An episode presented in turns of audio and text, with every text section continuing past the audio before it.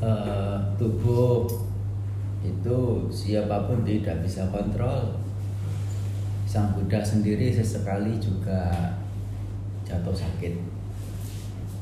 Pernah satu ketika Sang Buddha diundang ke keluarga Sakya untuk datang di bangunan yang ya khasnya India sana itu yang agak tinggi begitulah bangunan. Dibuat dibuat tinggi. Tapi ya bukan tinggi berarti uh, sampai tiga lantai tujuh lantai tidak. Ya mungkin satu dua lantai gitu saja dibuat tinggi. Nah, itu adalah kebanggaan bagi keluarga Sakya. Tapi pada saat itu ya Sang Buddha kurang begitu sehat. Beliau menerima dengan uh, cara diam. Jadi mengundang Sang Buddha termasuk mengundang para bante begitu. Diundang ke mana begitu. Kalau bantenya diam itu artinya sudah menerima. Tidak usah ditanya lebih lanjut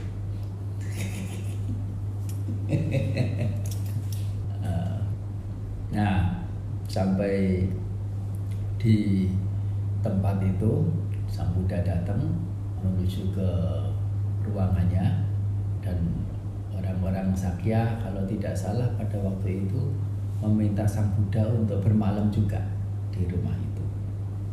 Ya. Setelah orang-orang Sakya ngumpul di ruangan itu sang Buddha ya ber apa ya greeting bertegur sapa barang sebentar. Setelah itu manggil Bante Ananda. Ya memanggil Bante Ananda untuk menggantikan beliau. Bincang-bincang Ananda tubuh saya tidak sehat. Ya kamu menggantikan saya menerima orang-orang sakya untuk bincang-bincang. Ya, Sang Buddha masuk ke kamar istirahat. Jadi yang namanya tubuh sakit itu hal yang wajar. Bukan berarti kalau sudah sakti, sudah suci, tubuhnya tidak sakit. Mungkin kayak kebiasaan jadi tidak juga, tidak juga.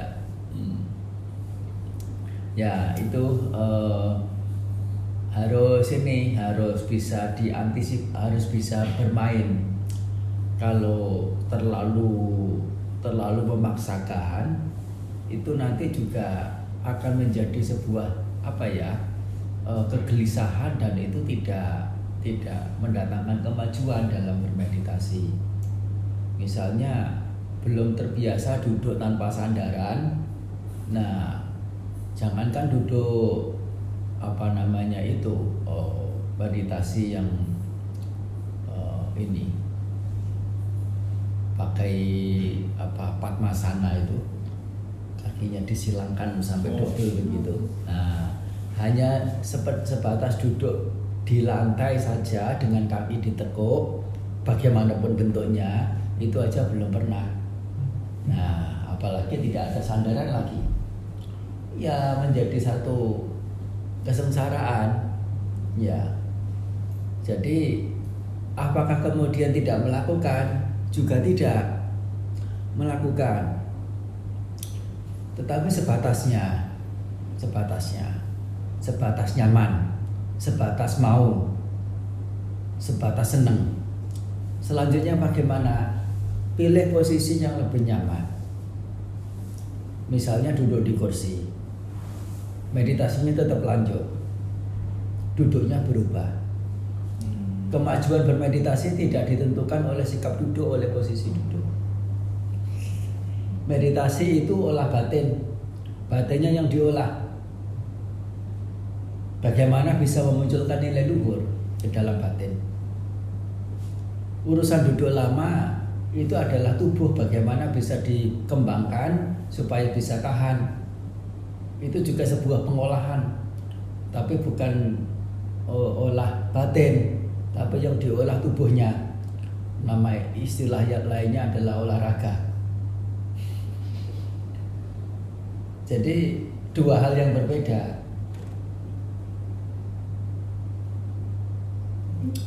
Tubuh bisa diolah, bisa di itu pelan-pelan.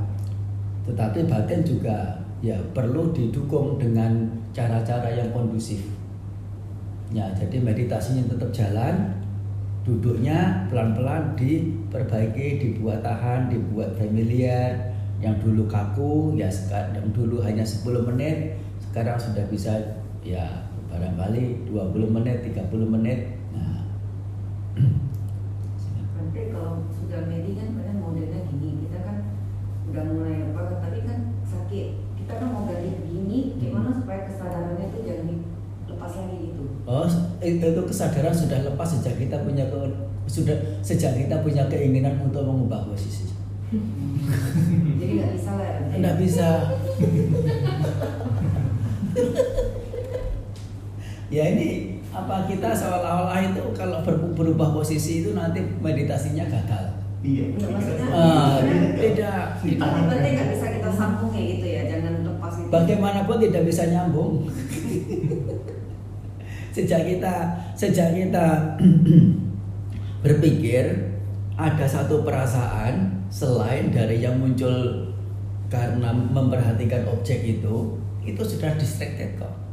Kita sudah terpecah. Berarti ulang lagi ya gitu. ya. Iya. Dan lebih dari itu apa di sini meditasi bukan semata-mata perhatian pada nafas masuk, nafas keluar, sekadar itu. Kemudian disebut bermeditasi. Meskipun perhatiannya dari ujung hidung mulai nafas itu masuk sampai ke penghabisan udara terakhir masuk ke paru-paru perhatian dengan sepenuhnya demikian pula saat keluarnya berulang 10 kali 100 kali 500 kali terus perhatian pada fokus pernafasan tersebut apakah itu sudah bermeditasi belum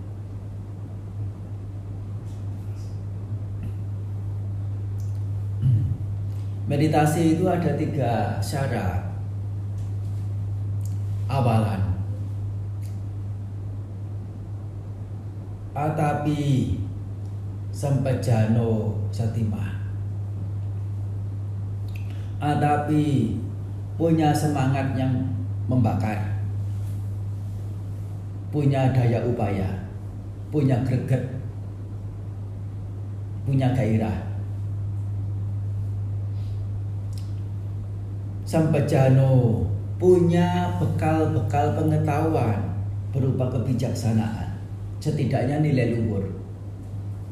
Nah, apa apa hubung apa bedanya kebijaksanaan dan nilai luhur? Kebijaksanaan salah satu jenis nilai luhur. Tetapi nilai luhur ini tidak selalu berupa kebijaksanaan. Misalnya berupa cinta kasih. Nah, nah berupa mengerti tentang hal-hal yang ya patut dimengerti. Misal maaf, misalnya ya eh, tentang nilai-nilai kebajikan berdana nilai-nilai kebajikan yang lain. Misalnya eh, malu berbuat jahat. Nah itu juga nilai-nilai bajik nilai-nilai luhur yang patut untuk ditumbuh kembangkan dan menjadi objek dalam bermeditasi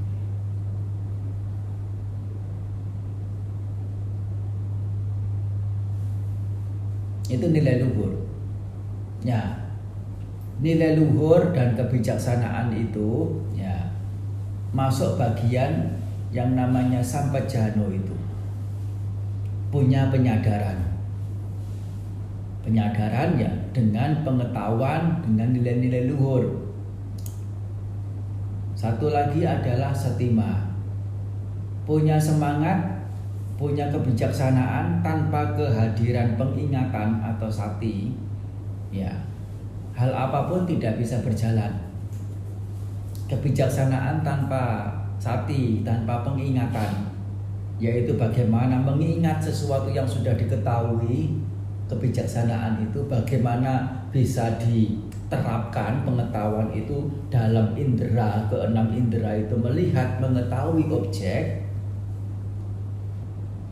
ya fungsi sati di sana ya tidak ada tidak ada fungsi apa. Tanpa tanpa kebijaksanaan sati tidak berfungsi. Tanpa sati kebijaksanaan juga mandul tidak ada gunanya. Dua-duanya harus saling saling mendukung. Ada tiga hal itu, jadi ada semangat, ada kebijaksanaan, dan ada kebijaksanaan atau penyadaran ya boleh kata Sampajano di sini. Uh, satu lagi adalah ada pengingatan, ada sati, mau diterjemahkan perhatian juga silahkan. Ya, itu tiga hal yang menjadi prasyarat utama. Nah, sekarang kita bermeditasi sudah sudah sejauh apa menyadari disertai oleh ketiga hal itu. Ini bukan secara pribadi ngomong, tetapi ya itu yang memang ada di dalam pustaka suci disampaikan demikian. Tidak menambah, tidak mengurangi. Kalau kita tidak mau menggunakan pustaka suci sebagai dasar, mau-maunya sendiri, ya jangan katakan ini adalah meditasi cara Sang Buddha. Meditasi sesuai dengan ajaran Sang Buddha. Tidak mau, tidak mau apa namanya berpikir apa tentang dhamma, tentang ini itu, tentang apa nggak mau. Pokoknya saya nafas saja. Nanti muncul bluk kebijaksanaan sendiri. Tanpa perlu apa bantuan ajaran Sang Buddha. Ya monggo mawon, bisa saja. Silakan saja hmm. itu kebebasan kok ya Buddha Parami sedemikian lama. Berapa? Berapa kalpa seratus seratus ribu seratus ribu mahakalpa dan empat asan kaya kalpa berjuang. Kalaupun bukan sama sang Buddha Paramita tapi Paceka Buddha Paramita itu bukan ya satu kelahiran dua kelahiran atau ya 100 200 kelahiran. Sekian ribu nggak tahu berapa berapa berapa kali kelahiran. Itu hanya Paceka Paramita hmm. dan apa keberadaan sama sang Buddha yang muncul? Nah di dunia sedemikian rupa uh, hasilnya dan berbagi kepada kita. Kita seolah-olah tidak mau terima ajaran beliau, mau berlatih sampai muncul sendiri kebijaksanaannya. Kan begitu maunya. Kebijaksanaan yang sudah ada itu di diterima, kemudian diterapkan. Apa itu nilai kebijaksanaan? Ya itu mengerti yang menjadi pokok hal yang kita lakukan itu adalah penghentian derita. Mengapa derita dihentikan? Ya, oleh karena ya itu yang akan mendatangkan selalu selalu terus uh, menjadi tidak nyaman. Penghentikan penghentian derita itu ya melalui menghentikan sumber derita kemunculan derita. Nah, ini adalah e, hal yang patut dipegang sebagai awalan. Nah, di sini balik lagi pada yang di tadi e, tidak terlalu lari jauh. Ya. Keberadaan tiga hal Atapi Sampajano Satima menjadi prasyarat harus ada kebijaksanaan juga harus ada penyadaran juga ya, tidak semata-mata memperhatikan nafas ya begitu terus kemudian disebut bermeditasi.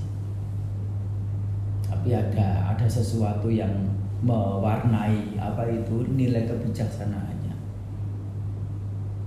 Ini apa banyak yang miss dan setelah diberitahu ya tidak mau mendengar Itu itu bukan bermeditasi, itu bukan fokus, itu berpikir. Itu merenung. Lah kalau tidak berpikir mau bagaimana? Iya. Saat kita fokus itu apakah bukan berpikir? Ya, bahkan biku pun yang mengatakan. Ya, diberitahu ya. Ini loh dasarnya. Kita mendasarkan apa kalau tidak mendasarkan Tripitaka? Mau-maunya sendiri, pokoknya ya lihat api, api, api atau apa titik hitam, titik hitam, titik hitam. Pokoknya fokus tidak ke mana-mana nanti dari fokus ini akan memunculkan kekuatan gaib, kekuatan ah itu mau ke mana anda pergi? Iya. Tujuan bermeditasi secara Buddhis itu apa dulu? Yang anda sedang laksanakan itu dengan dasar pemikiran apa? Maksud tujuan apa? Iya. Cara yang sedemikian rupa. Hmm, jangan ini apa namanya? Jangan apa apa namanya? berpegang pada pemikiran sendiri jika itu tidak bersesuaian dengan ajaran Sang Buddha. Terlepas kita paham atau tidak paham ajaran Sang Buddha, setuju atau tidak setuju, mau atau tidak mau menerima, harus mau, harus setuju, harus ya berusaha untuk paham, kemudian berpihak pada pandang, cara pandang Sang Buddha meninggalkan cara pandang sendiri. Itu keharusan. Soalnya kalau sampai mengandalkan pandangan sendiri, tidak mengindahkan pandangan Sang Buddha, ya kita akan riskan terjebak, terjerumus ke alam-alam sengsara. Mereka semua yang di alam sengsara itu apa yang e, terjadi ya penderitaan. Tanya kepada mereka, loh ini menyenangkan atau menyakitkan? Ya menyakitkan sakit sekali tidak ada yang menyenangkan di sana yang bilang menyenangkan. Kira-kira kira-kira yang membuat sedemikian rupa itu kebaikan atau keburukan? Kita tanya. Ya, keburukan bukan kebaikan. Loh, kemudian yang melakukan keburukan itu siapa? Orang lain atau diri sendiri? Ya, diri sendiri. Loh, Anda ini sayang tidak dengan diri sendiri, Cinta tidak dengan diri sendiri, orang pinter apa orang bodoh? Kenapa tidak mencintai diri sendiri? Membawa diri sendiri pada penderitaan sedemikian rupa. Iya, sekarang baru mengerti. Dulu saya punya pengertian bahwa karena ini manfaatku, karena ini e, keinginanku, karena ini adalah ini apa namanya ya apa yang bisa mendatangkan aku bahagia menurut pandanganku pada waktu itu. Nah sehingga aku melakukan ini melakukan itu tidak mau um, mendengar nasihat orang bijaksana. Menyangkal bahwa ya apa namanya uh, mencuri itu adalah tidak buruk. Yang saya mengerti pada waktu itu yang namanya mencuri, berhasil mencuri, ada kesempatan mencuri dan berhasil mencuri itu sebuah kesempatan, sebuah keberuntungan.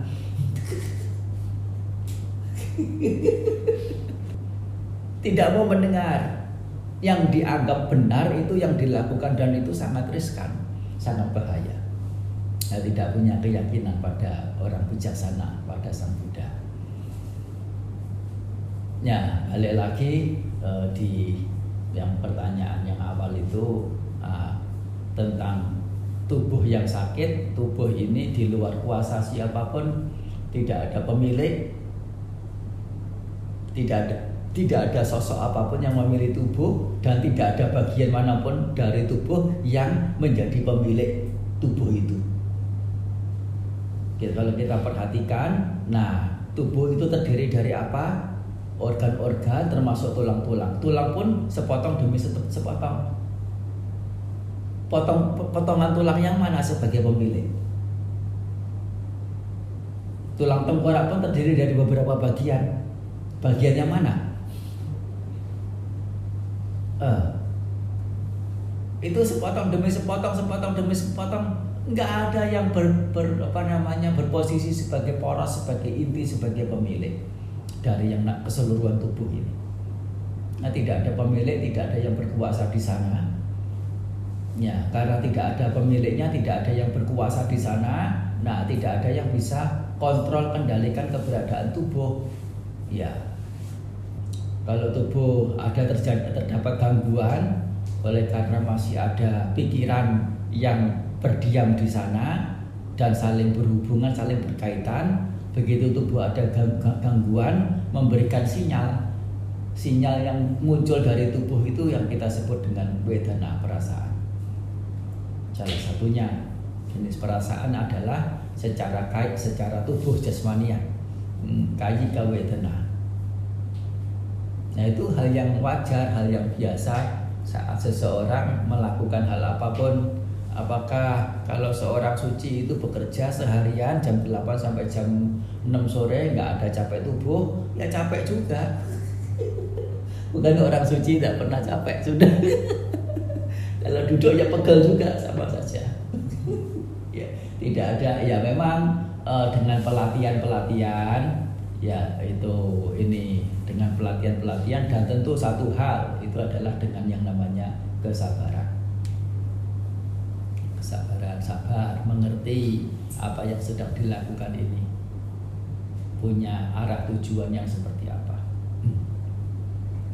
Itu uh, jangan kemudian punya bayangan kalau bukan saya kayaknya nyaman sekali bermeditasi. Jangan lihat orang lain yang kayaknya itu bermeditasi duduk tegak lama. Dia ngempet kok dia nahan apalagi bermeditasinya di depan orang banyak di antara orang banyak. Kita nggak tahu orang duduk bermeditasi dalam pikirannya itu terjadi apa. Gitu uh, bukan memupuk kebajikan tapi yang dipupuk itu kotoran batin. Ini loh aku yang sudah satu jam sekian duduk tidak bergerak tolong lihatlah aku. Eh, apa yang terjadi di dalam pikirannya? Siapa yang tahu tampaknya duduk tegak tidak bergeming sedikit pun. Meskipun kata bergeming itu artinya bergerak. Uh, itu, itu itu apa? Berdiam. Tapi saya tidak setuju. Bergeming bergeming dari yang dulu kecil itu. Namanya bergeming yang bergerak. Tidak bergeming artinya tidak bergerak ke mana-mana. Bahasa Indonesia. Ya bukan berarti kemudian tidak bergerak ke mana-mana tampak oh ini kayaknya sudah mantap banget ya. meditasi itu olah batin bukan olah tubuh bukan bisa duduk tenang sekian jam baru dikatakan kriteria standarnya orang berhasil atau tidak dalam bermeditasi.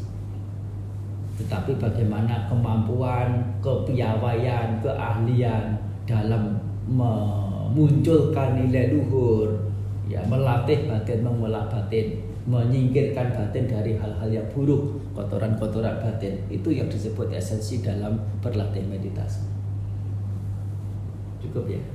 Mahal. Ya? Mahal.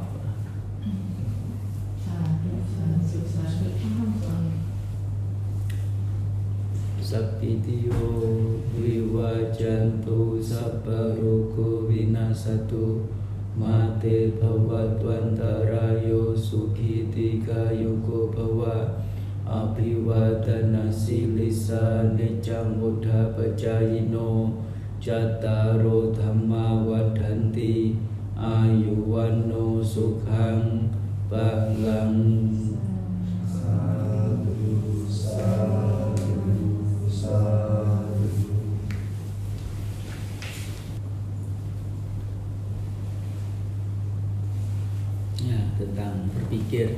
berpikir berpikir, berpikir ya pasti berpikir.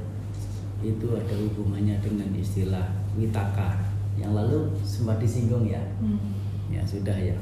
Yang namanya Bitaka ya, ya nanti kesempatan mendatang kalau ada tanya-tanya soal yang demikian ya bisa diingatkan disinggung.